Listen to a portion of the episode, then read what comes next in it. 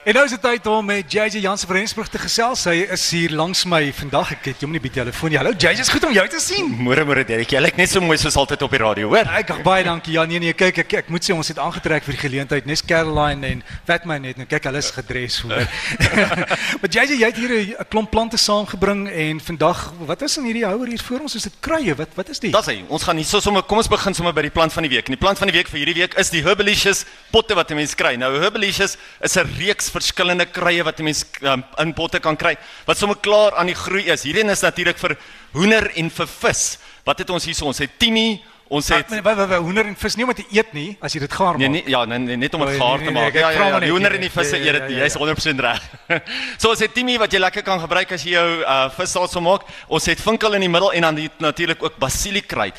En is ongelooflik as 'n mens sommer deur dit gaan en jy ryk sommer net die blare hoe lekker dit ryk. En as 'n mens mooi kyk, is hulle in 'n lekker lang nou bak wat 'n mens sommer binne in jou vensterbank in die kombuis kan sit. So jy kan dit sommer net daarso pluk, dadelik gebruik en dit van daar af sommer in die kospotte gooi. So die Herbalicious reeks is 'n fantastiese reeks. Gaan kyk bietjie daarvoor. Is lekker om sommer jou eie kruie in die huis te hê. Maar ons ons gesels eintlik hierdie week oor 'n paar ander goedjies. En natuurlik een van hulle is een van die ergste probleme wat ons nog ooit in die tuinbou um, afdeling gehad het in die land, in die uh, eintlik in die wêreld.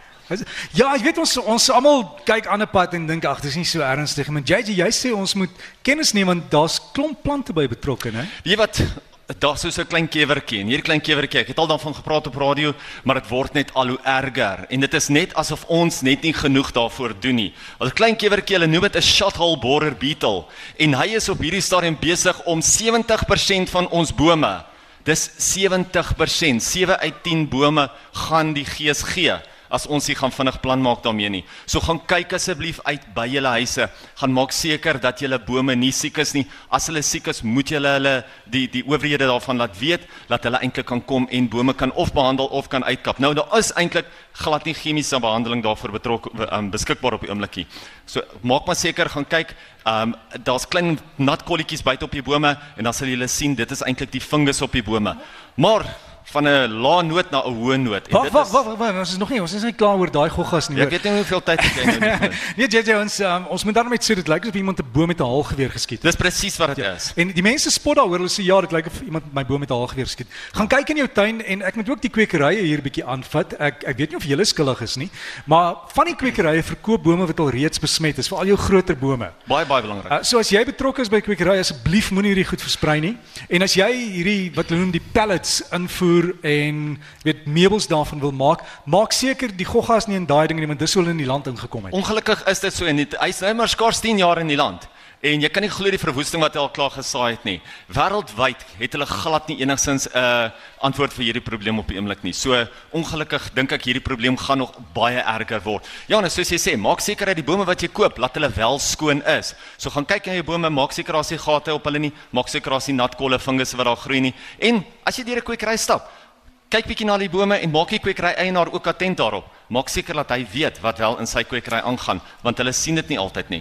En JJ dan uh, as mense hierdie foto's wil sien van ons plant van die week, ons het dit op die RSG webtuiste rsg.co.za en daar loer uh, en ook 'n beskrywing van die plant en en die kruie wat in hierdie houer is en ek het net 'n vraag oor die houer waarin dit geplant word. Dis plastiek. Dis korrek, ja. Dis plastiek. Is dit die nuwe tendens? Dit is 'n nuwe tendens om eerder iets te gebruik wat 'n baie goedkoper manier is om te maak en wat weer kan herwin word. So baie van die um uh, houers kan nie herwin word nie, maar hierdie plastiese houers kan wel herwin word en dit is baie belangrik vir ons deesdae daarna. En dit is gemaak uit herwinde plastiek. Dit is 100% korrek so. Aha. Ja. En JJ dan het jy hier so 'n ander sak met roos in. Dit wat is- is die? Wat wat daar's 'n kaartjie op. Wat sê die kaartjie? Ons moet hieroor praat. Die Randfontein Gold Rose. Nou hierdie roos is eintlik gekweek vir die Randfontein se 60ste verjaarsdag en dit was 1989 en nou het hulle hom weer uitgebring en dis nou die 19de ver- 90ste verjaarsdag van Randfontein. So hierdie roos is op oomblik hierso by die Randfontein skou te koop. Is 'n ongelooflike mooi, dis 'n snyroos. Hy maak hy toe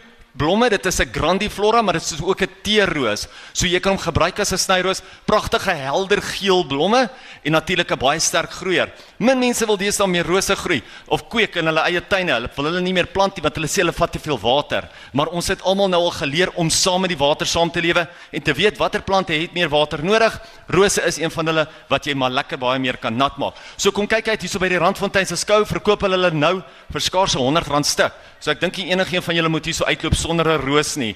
Pragtige roos vir jou tuin. Ja, JJ en uh, die rose ook, jy weet as die roseplante geheim. Ek het nou die dag ook vir een van my bure gesê, hulle hulle vra my maar hulle sukkel met hulle rose en sê ek hou op om die rose skoon maak. Die Ja. rose hou nie van wortelsteuring nie. 100%. Jy sal altyd die plante om die rose sal jy los. As daar grondbedekkers is, sit eerder ekstra grondbedekkers daar neer om die rose se wortels te beskerm. Derek jy is 100% reg. Ons sê JJ en dan net laastens uh, enige ander raad vir mense wat wil tuin maak in die omgewing want hulle sê vir my die grond in die gebied is so goed. Hulle het hier van die beste roosgrond, dis 'n rooi grond. Ja, ek dink definitief. 'n Mens moet net altyd kyk wat kan 'n mens by die grond net bysit om dit nog beter te maak want onthou, jy wil hê jou plante moet floreer en baie keer sal jy kry dat mense sê maar hulle plant en plant en plant so en dan groei die plante nie, maar as jy nie 'n goeie voorbereiding doen nie, dan gaan jou plante nie groei nie. Ek weet ek het nou toevallig vanoggend met mense gepraat wat hulle gesê het hulle het verskriklike probleme hierso met plantlyse wat eintlik in die groot hoër bome op is, hoe behandel 'n mens dit? En daar is deesdae sistemiese doders beskikbaar wat 'n mens om die plante kan inwater. So selfs jou groot bome, ietsie soos koinor is 'n goeie voorbeeld daarvan. Jep. Iets uh, kan om die plant ingewater word, deur die plant geabsorbeer word en hy versprei tot heel bo in die boom en jou plante onder jou uh, bome is ook dan nie siek nie. En hoe het jy my altyd geleer as daar luise en goed in die bome is, kyk waar die mure vandaan kom want hulle dra die luisies aan, dis hulle fabriek. Daai soet sap wat op jou motor drup, dis wat hulle soek Presies. en dis wat hulle eet. So spreek die mure aan en jou probleem is dan. dis die simbiose. Was hy JJ baie dankie, dankie vir die kruie, dankie vir die roos, dis 'n baie mooi roos. En uh, al die inligting dan by rsg.co.za en as hulle vir jou wil e-pos, dis JJ by gardenworld.co.za. en is net JJ. Dis korrek. JJ by gardenworld.co.za. En JJ is bestuurder by Garden World hier aan die Westkant van Johannesburg.